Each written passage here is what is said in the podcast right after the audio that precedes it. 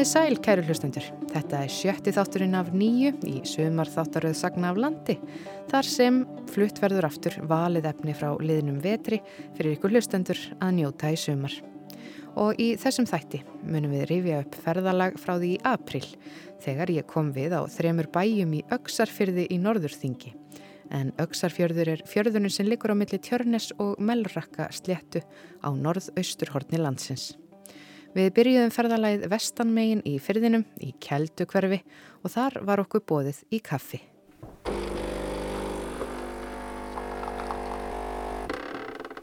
Ég heiti Guðrýður, Baldunsdóttir og bý hérna í Lóni í Kjeldu hverfi.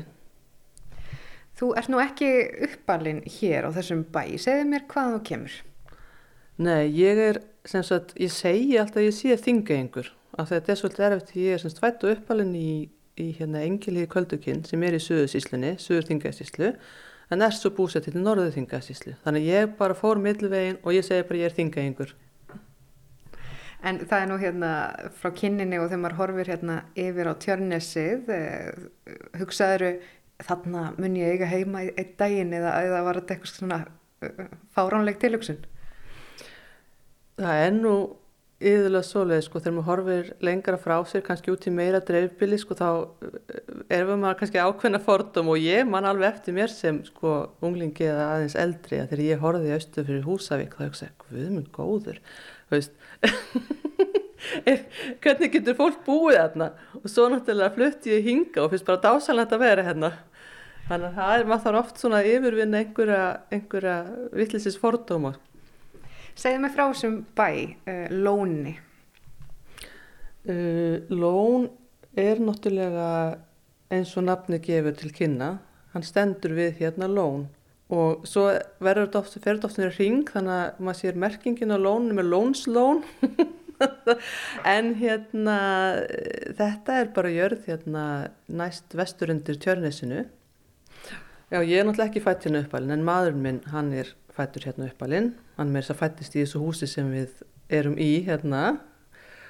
Og sama fjölskyldan hefur búið hérna síðan 1874 eitthvað um það bil, það er engin og gamal sem getur ekki þá þofið minni mig.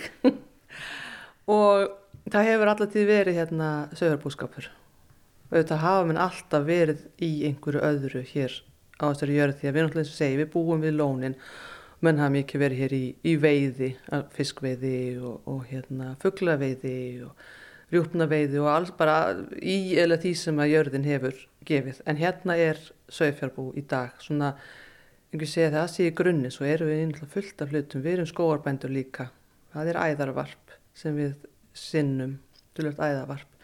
Það er öflugt lagseldi hérna á jörðin, náttúrulega alls ekki okkar vegum en sem stort fyrirtæki sem að að hérna, er, er með það. Og svo er ég náttúrulega brasa bara í ymsu öðru líka. Þú segir að þú setja brasa í ymsu öðru þá má eiginlega kalla það í smá svona brasara. Þú uh, farið hugmynd og þú framkvæmir hana. Um, já, segðu mig bara frá svona þínum brasferli eða þínum svona ferli sem frumkvöld skulum við bara segja. Uh, Ég má segja að ég byrjaði bara í hruninu. Ég var að vinna hjá Norðlandskóum, ég syns mentaður skófræðingur. Það var búin að vinna þar í einn 8 ár og það er alltaf sagt um þennan tíma, sko, þú fær alltaf þennan svona 7 ára kláða og þarf að breyta til margir og þá hérna fór ég að uh, pröfa mig áfram í sápugerð. Ég var búin að gera þetta alltaf tíma, sko, en ekkert gert úr því en þá hvað ég bara stopna fyrirtæki, kýla svolítið á það og stopnaði sælusápur og rak þær í rúm 10 ár það var alveg ábúðslega skemmtilegt og á, var komin þannig að sápurnar fengust nú bara í, fengust í svona flestum eða ansi mörgum uh, ferðamannaverslunum helst, bara út um allt land. En síðan 2019 þá sel ég fyrirtækið og það fer austur í Þistilfjörð til frábærs fólks þar. Ég svo ána hverða hérna endaði, öflugt, öflugt fólk sem mun halda áfram með það og eftir það, þá svona, eftir svona umhugsunarfrest, þá fór ég að vinna með, vildi ég vinna meira með söðfjörð. Ég var náttúrulega að vinna með það í sápunum að ég var að nota eins og bæði júrtir og ég var að nota sögðamjölk og ég var að nota sögðatólk og annað. En þá held ég mér í ullina. Mm. mm. og er í dag að lita ull mest með jurtum sem ég fæ hérna mikið úr, úr nágrunnu og semst bæði að vinna með bara svona hefbundna ull frá Ístex sem að, en samt allt íslensku ull en svo er ég að láta vinna fyrir mig af mínu eigin lömpum og þá náttúrulega, þetta var náttúrulega svolítið réttlæting, ég skal bara viðkjöna þetta svolítið réttlæting á því að geta verið með margt mislitt fyrir það er stundu svoleiðis að margir eru hérna, ekki hrifnir af skrautlegu fyrir en þetta var gott tækifæri fyrir mig segja bara, heyrðu, það er frábært ég er svona margt dögt fyrir ég get notað í þetta og móraut og svart og grátt og alltaf það skemmtulega liti mm. Og hvernig svona hver er staðan á þessu verkefni? Hvað ertu komið langt með þetta? Ertu byrjuð að selja? Ertu byrjuð, veist, hva, hver er svona staðan? Sko eins og ég byrjaði á frábærum tíma með sáputnar, akkurat í hrunið þegar allir vildu kaupa íslenskar vöru innlanda framlegslu, þá startaði þessu bara kortir í hérna COVID og það, sko þetta fer alltaf hægt að stað hjá mér. Það er, sko, öllargarn er bara þannig að fólk, prjónarar, þeir vilja þú veist, treyfa, þeir vilja skoða, þeir vilja finna hvernig áferðin er og byrja saman liti og slíkt og ég var mjög með alls konar plönum að fara um allt og, og kynna og selja sem að svona COVID setti nú aðeins stríkir reikningin en ákvað þá allavega bara að opna vefverslun og prófa það og það hefur, það hefur alveg gengið aðeins að það náttúrulega bara segja sér sjálft að hérna, þetta fyrir ekki á flug fyrir en ég virkilega get fara að hitta fólk. En og meðan þá er hægt að gera alls konar undirbúningsvinnu. Ég er til dæmis farin að rækta feldfjö það er svona sérstaklega stopn af íslensku sögkindinni sem er með feldeginleika og góða öll mm -hmm. þannig að ég get fara og það er náttúrulega allar svona kynbætur taka tíma þannig að þetta er kannski bara ágættis andrými í, í fyrir það Svo ertu líka rægt að heyrði ég hérna áðan fórustu fjö eða ert með fórustu fjö? Já, ég er Uh, mér finnst ég ekki með nógu margar manninn finnst það að vera nú alveg nógu margar en sagt, við erum með stopn hérna sem, er, sem við getum rakið alveg aftur til sko bara 1940 eitthvað mm. af fórustu fjö og ég hef lagt áherslu á að halda það við við höfum lendið hérna tvís var að skera niður við riðu en í setna skipti sem var rétt fyrir aldamót að þá fengum við fjö hérna gáttum keift af næsta bæ. Og þar var þessi gamli stopn af fórustufið og ég fekk þar alveg tvær kindur og hefur rægt að út frá þeim síðan. Og það er bara virkilega skemmtilegar kindur. Þannig ég mun halda því áfram. Já. Er ullin þeirra eitthvað eh, frábrugnari heldur en bara á eh, þessari venjulegu íslensku söðkind? Já, mér finnst það en það er nú reykið fórustufjársettur hérna í Þistilfyrðunum sem að leggur áherslu að einmitt þetta og við höfum, erum alveg á því að hún er mýkri, hún er svona hún er svolítið öðruvísi, við finnst hún fingerðari og þess var náttúrulega gerði það í saman eða þetta svolítið, ég blandaði saman fóruftu fjö og feld fjö og ég er að fá svolítið skemmtilega út, út úr því. Mm. það er virkilega uh, skemmtilega stofn sko, sérstaklega ég hef verið með svolítið af fjö sem er alltaf mikið kvítt, fóruftu fjö sem er frekar sjálfgeft það sé hérna mikið til kvítt og það er náttúrulega öll sem er ekkert mikið til af þannig að fórustufjársetri hefur svolítið fengið að njóta af því já, já, já. En hvernig sko nú senda sögfjárbændur öllina sína yfirleitt í Ístex og þetta er allt saman í einhverju einni körs þar hvert er ferðli hjá þér? Ferð þú þá leið og færð svo öll eh, hvernig vinnur þetta? Ég er náttúrulega nota öll frá Ístex sem ég náttúrulega veit þá ekkert frá hverjum er. En hins vegar þá sendi ég líka sér vel hérna lömp, náttúrulega bæði þess að fítulömpum og öllum mislítulömpum mínum og góður í öll af, af fullorðnu fjö og ég sendi hann í vinslu í svona, svona smáspuna verksmiðu sem heitir uppspunu sem er á Suðurlandi. Og lætt hann að vinna þannig fyrir mig band sem ég fær svo hjá henni tilbaka en svo er líka hérna í auksarfyrðinum ný svona smáspuna verksmiða sem heitir er Gilhægi þar sem er að, að vinna samskonar öll en því miður þá get ég ekki nýtt mér hana ekki allar samt um mína öll því að það er sögfæðið kjarnalína sem er á millokkar Já, sem að það er áinn Jökulsá fjöllum sem að sker þetta svæði í eh, hvað kallið þetta?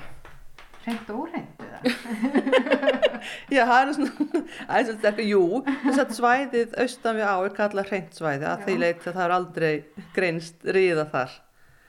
En, og hérna, það er semst allt svæðið austan við Jökulsá, en hérna hefur hins vegar greinst ríða nokkur sinnum. Þó að í dag þá er þetta svæði orðið hreint, það eru líðin meir en 20 ár, 7.9.13 síðan að greindist ríða á þessu svæði. Og það er rauninni allt svæðið hérðan og vestur að skjálfandafljóti sem er orðið hreint í dag mm -hmm. og verður það bara vondi áfram.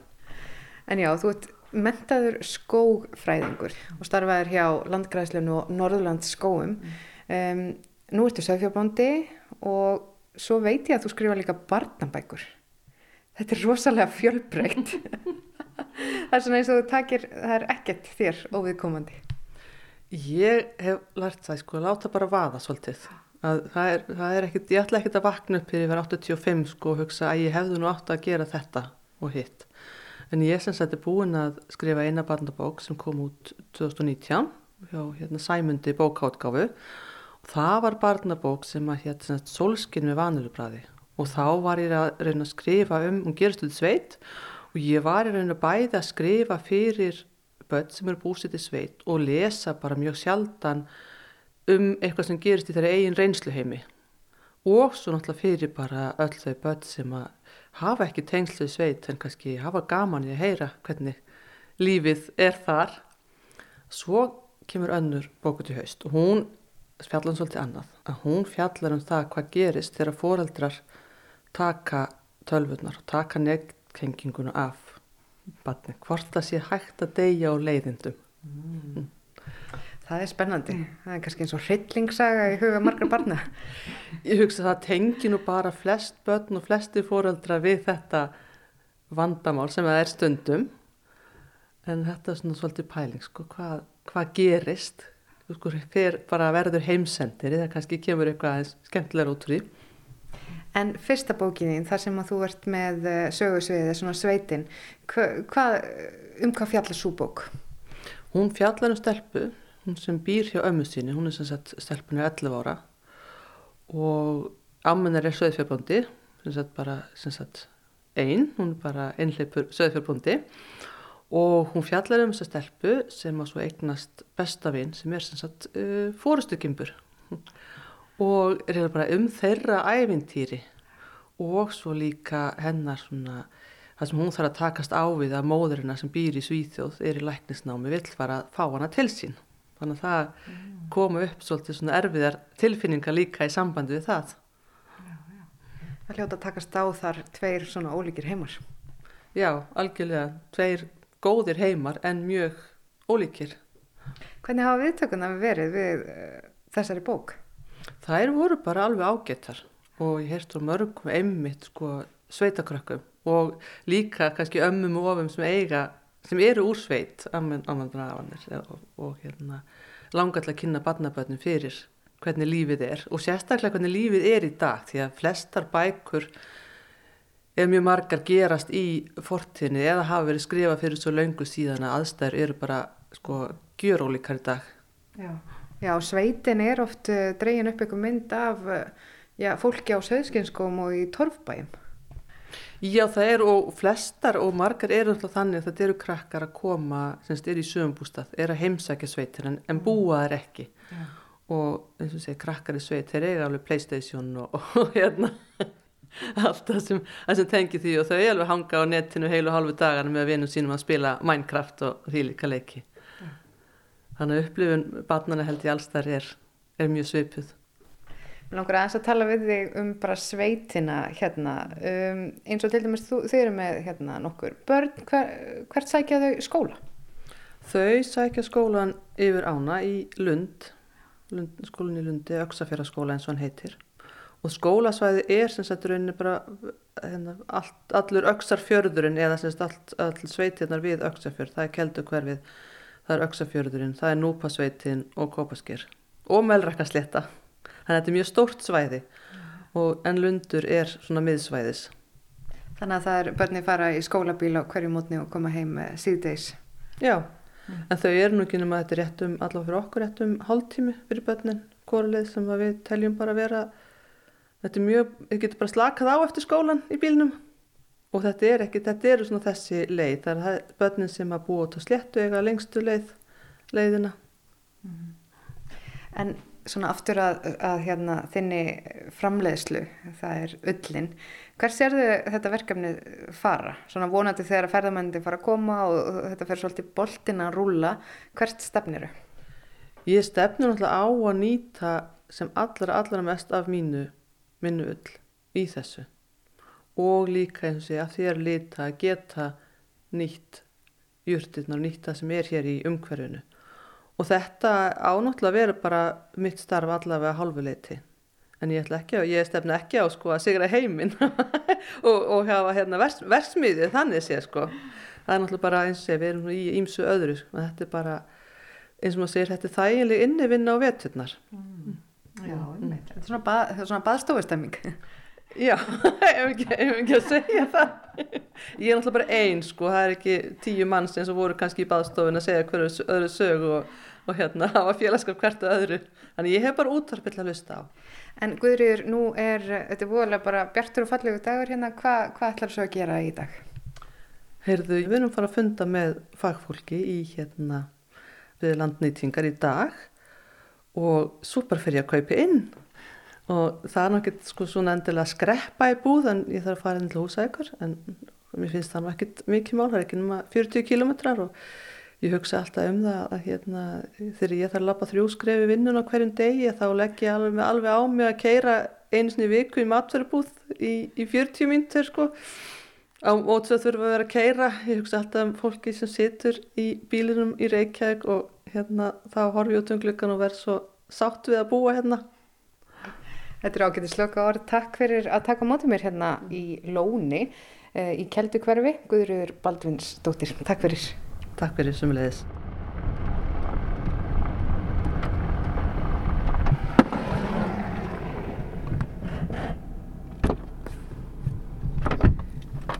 Já, hvað að stoppa hérna aðeins á leiðinni og kíkja á eitt vatn sem að mér hefur alltaf þótt frekar hafa merkilega sögu.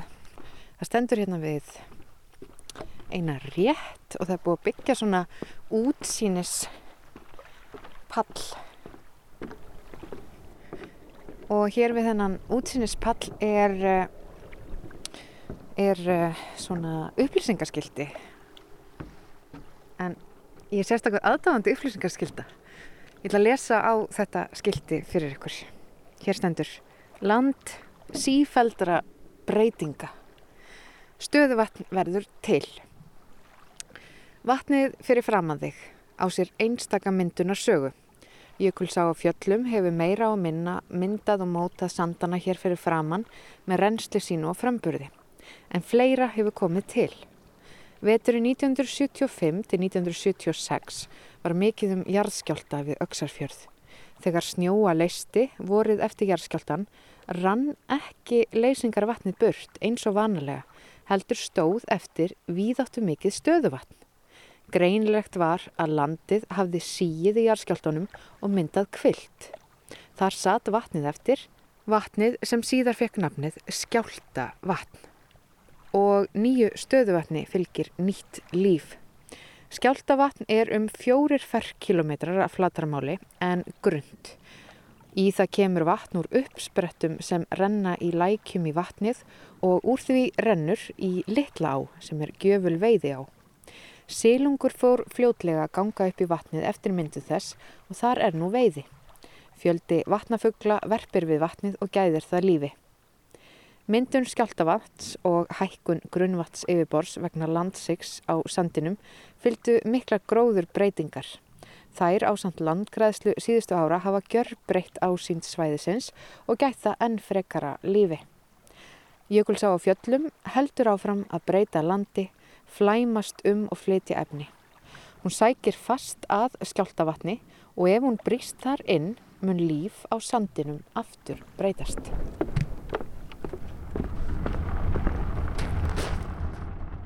Frá skjáltavatni er ferðinni heitið til ungra bænda sem að byrjuðu síðasta sömar með öllar vinslu á bænum Gilhaga.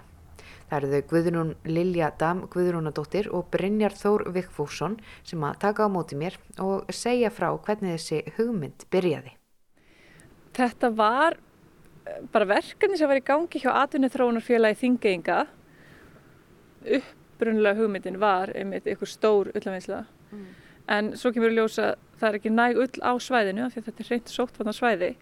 Þannig að þá er fara að skala þetta aðeins niður og skoða hvað möguleikar eru bóði með svona aðeins minni ullafinslu. Og þegar þau auðlýsa eftir áhuga sem er fólki að taka við boltanum þá sækjum við um og vitum í rauninni ekkert hvað það er. Þannig að þá byrja svona eitt hvað ferli förðulegt ferli um að kynna sér ullarvinnslu. Já, verkefni var upphálega mjög krútlegt. Lítið uh, ullarvinnsla heima á bæ eitthvað svona, þú veist, eitthvað sem við vinnum bara á kvöldin og höfum þetta bara þægilegt. En í dag er þetta orðið margkvært starra, bara eitthvað batteri sem við vissum ekkert hvað ef við hefðum vita hvað þetta yrði þá hefðum við örgulega hugsað þetta aðeins betur sko.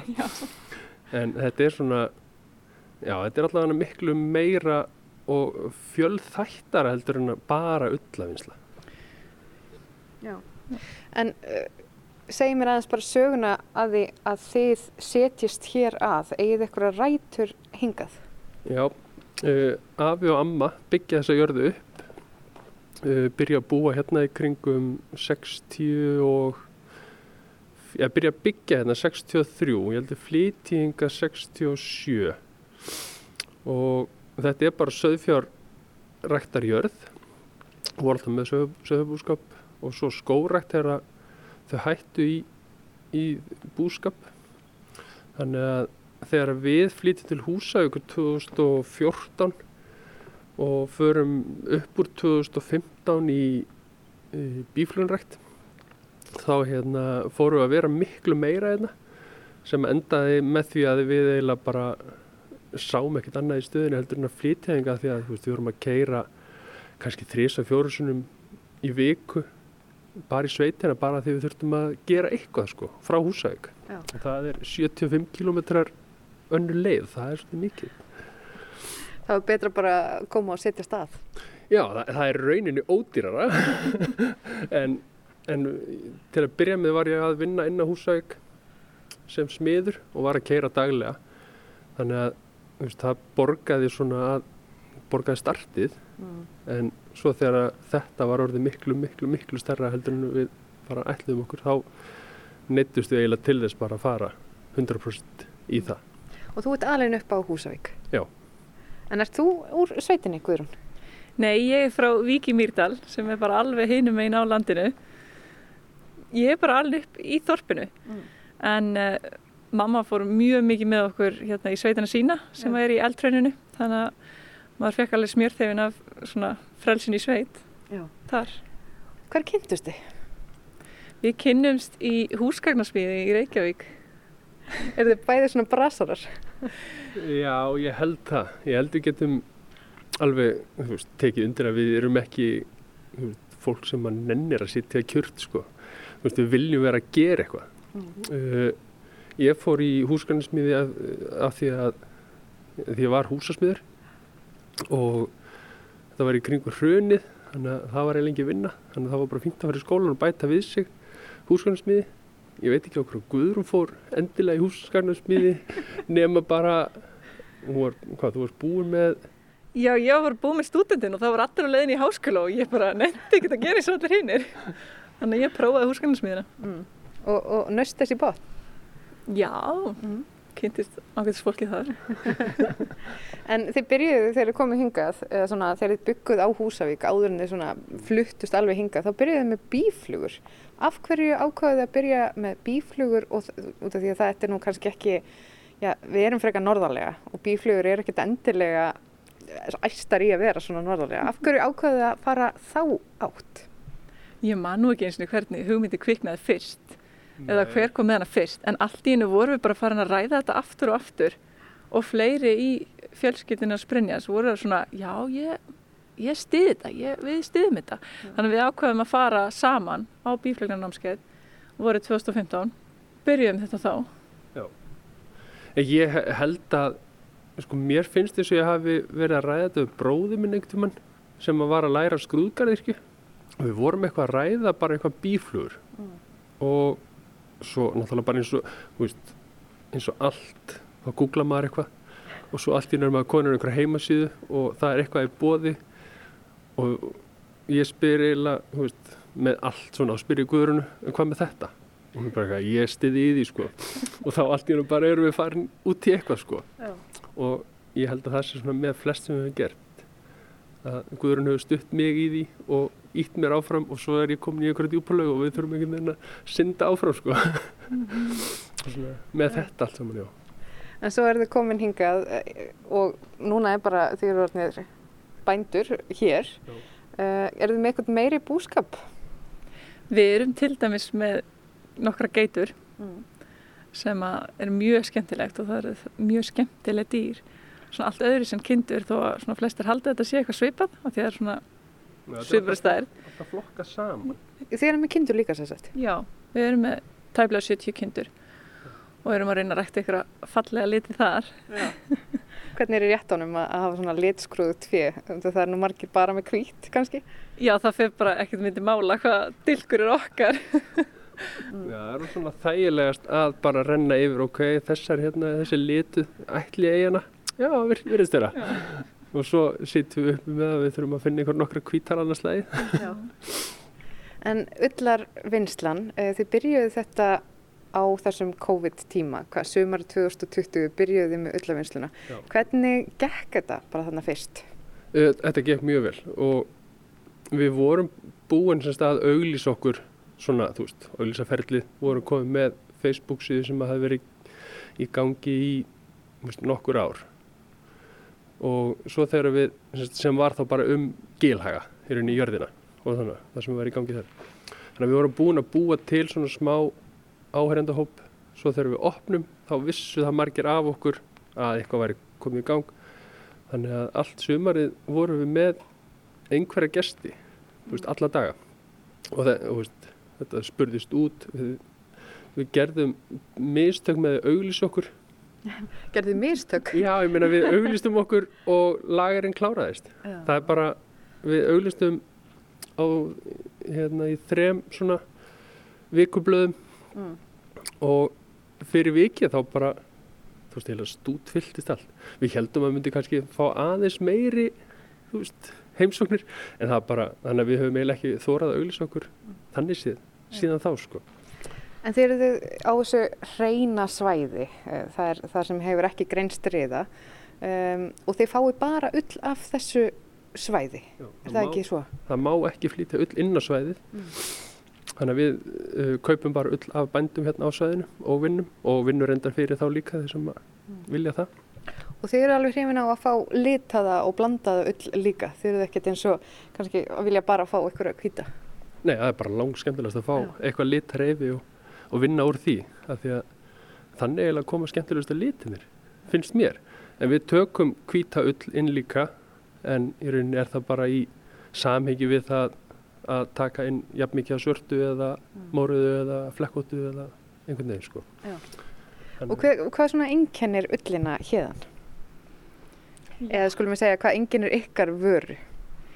Það sem einkennir okkar vöru er náttúrulega hvað hún er hrein, hún er bara laus við öll svona íblöndunarefni og, og eiturefni. Við erum ekki að þóna með neinum svona kemískum efnum og við erum ekki að blanda neinu í hana eins og þú veist innflyttir í meirinu eða einhverju pólisti til að styrkja hana sko. Þannig að þetta er bara hrein 100% íslensk ull.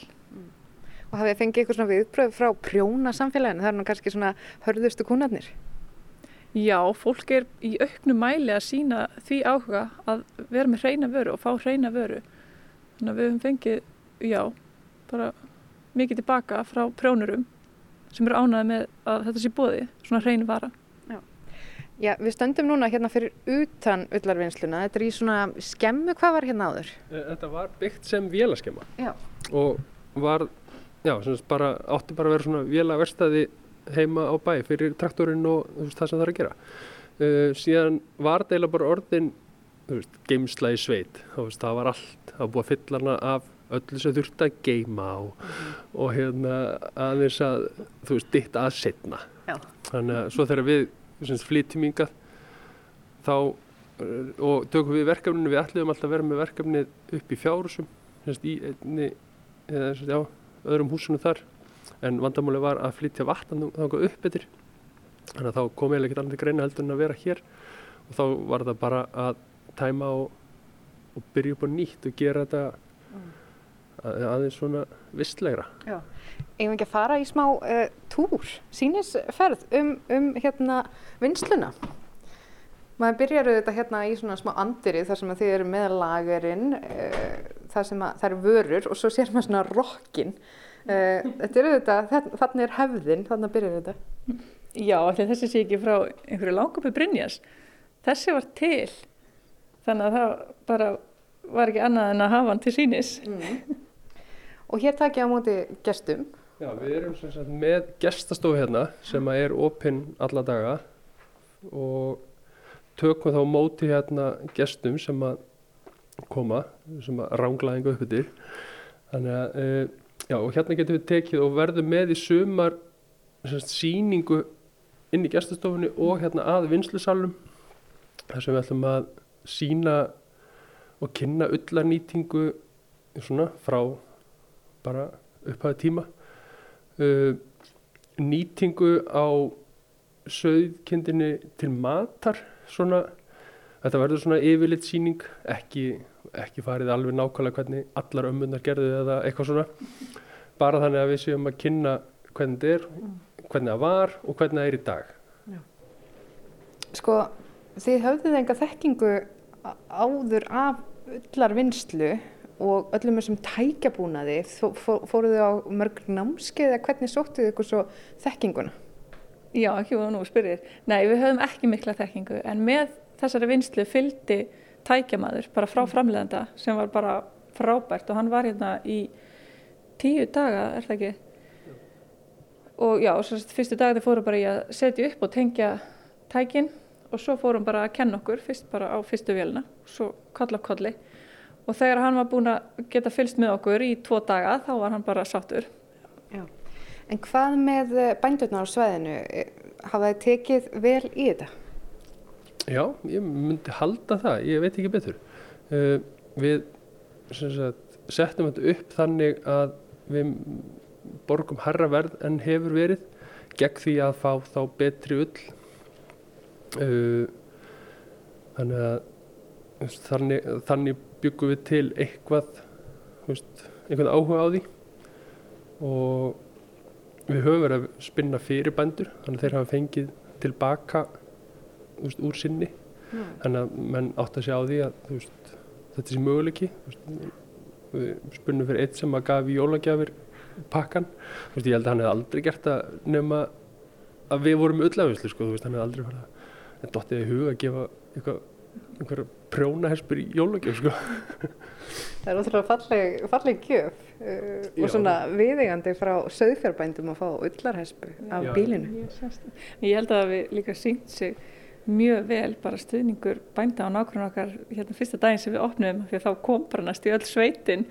Og við vorum samt eða ekkert búin að auglýsa neitt húlum hæ heldur, fólk bara kom því að það hafði virkilega áhuga á að koma og sjá og stiða okkur. Já.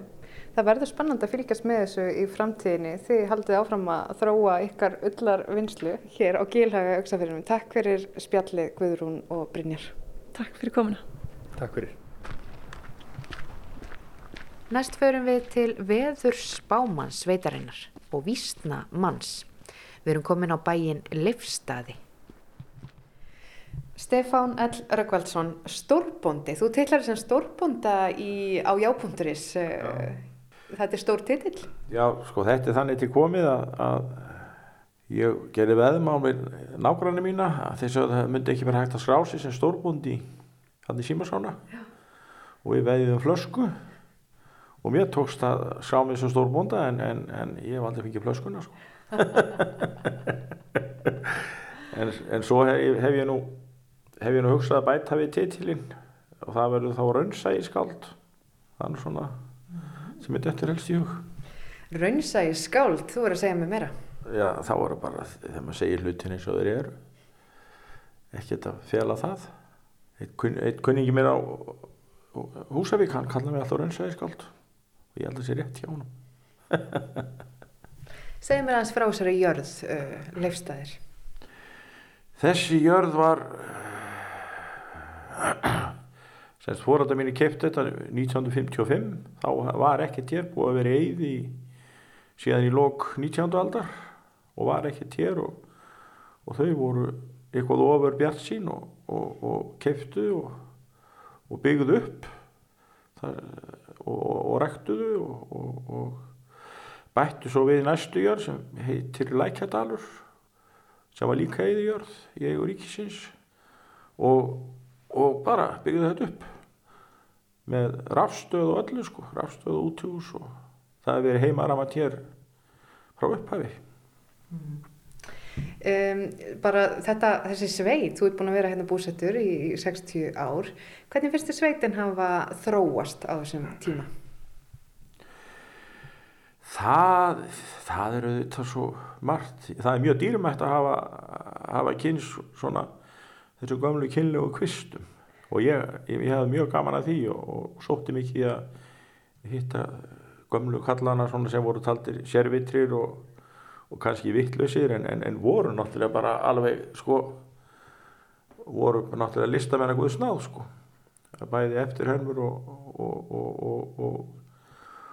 og þarna leikarar og sáu hluti nátt mjög, mjög svona skemmtilegum hætti ég mér er nú minnist að það eru einn sérstakur Herman Snorrason á, á Vestaralandi.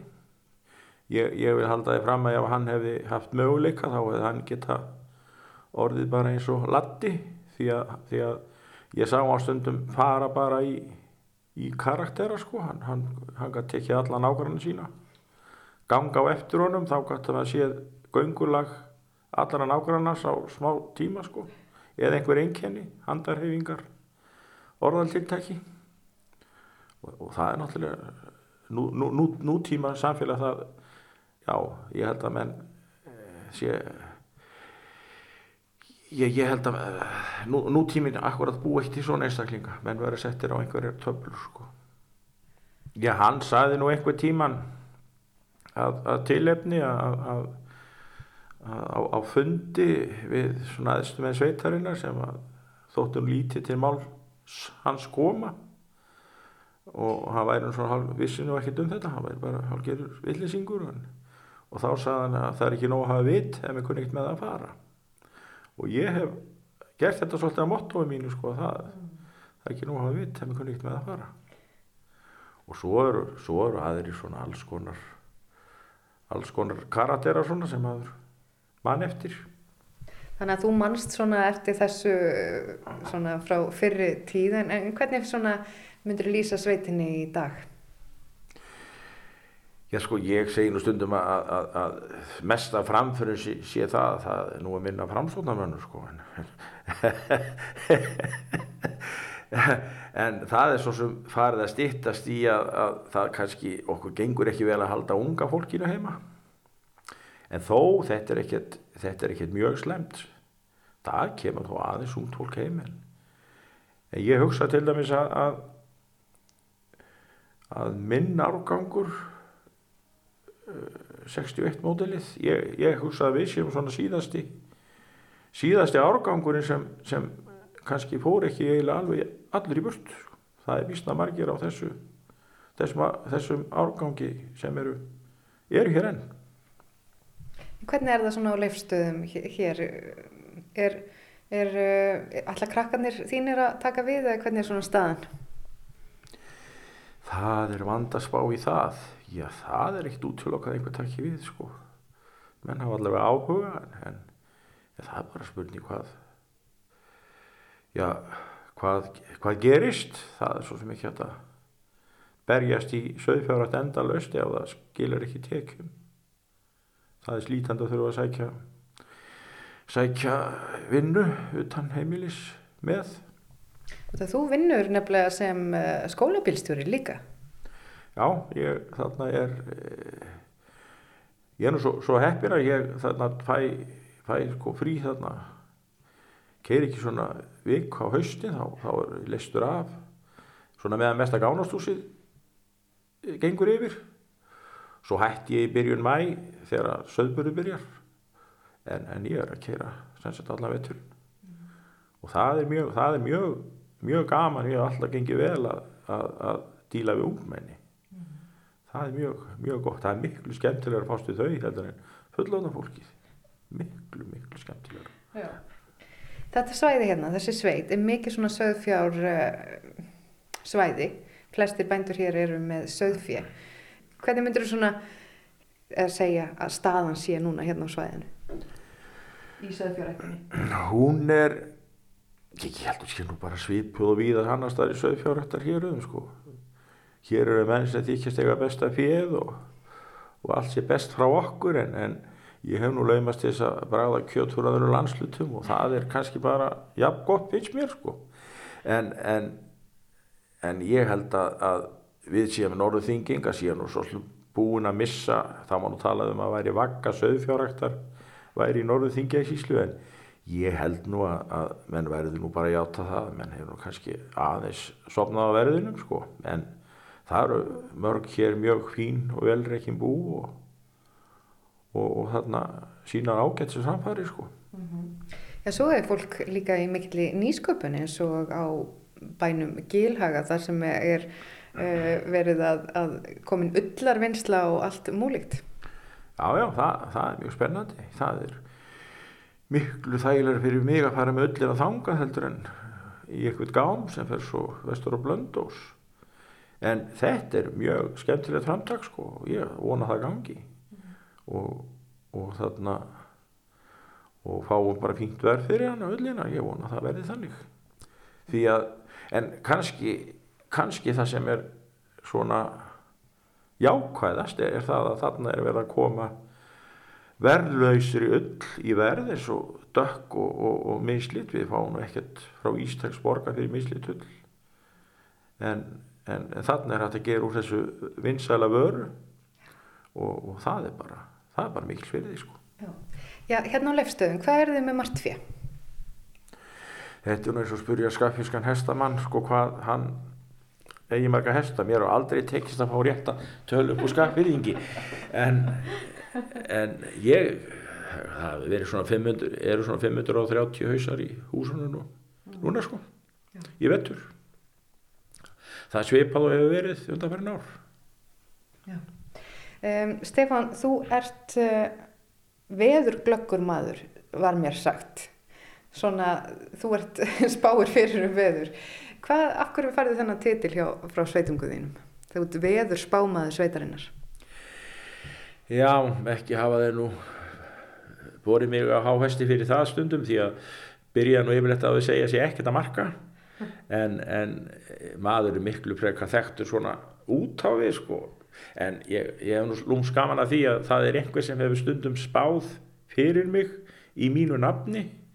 Þannig ég tók þar á til þess að menn hefði þetta bara alveg hreint út þá setti ég þetta á Facebook og sagði að, sagði að það var ekki annað marka á takhandi sko mm. það var ekki nóg að einhver hafi sagt að ég segði þetta og en það er svo merkilegt að ef mér mistekst þá tala þær um það en þegar mér tekst þá forast þeir mig sko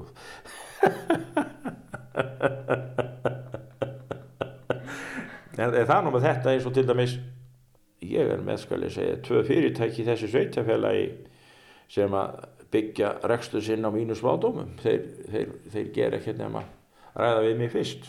Þetta er svona eins og, eins og með eins og með þarna enga þjálfum til dæmis. Hvaða fyrirtæki eru það? Þau hljóta einhvern veginn að stóla á veðrið eða hvað? Jújú, það, það, það er útgerð. Hann, hann kallin talar alltaf um mig svona, hvernig hann er að hafa sér þessa viku eða, eða í þessu mánuði hvaða mánuði. Og svo er þarna það er Húsavík fyrirtæki sem Garðvík heitir sem, sem Guðmöndur frændi með Viljánsson er á og rekkur með sínu fólki. Hann, hann hefur stundu samband við mig til að spyrja hvort hann eigi taka sér verk á, á þarna svona á þeim ástíma sem er kannski ekki verðan að vera út í verkum og, og þarna, já, það er bara ekki vel þó ég segi sjálfur brá sko. en hann getur sagt þetta líka En hvað, hérna, hvaðan hefur þessa spátum skáu og hvernig rínir í veðrið? Hvaða hérna, leiðir hefur þú?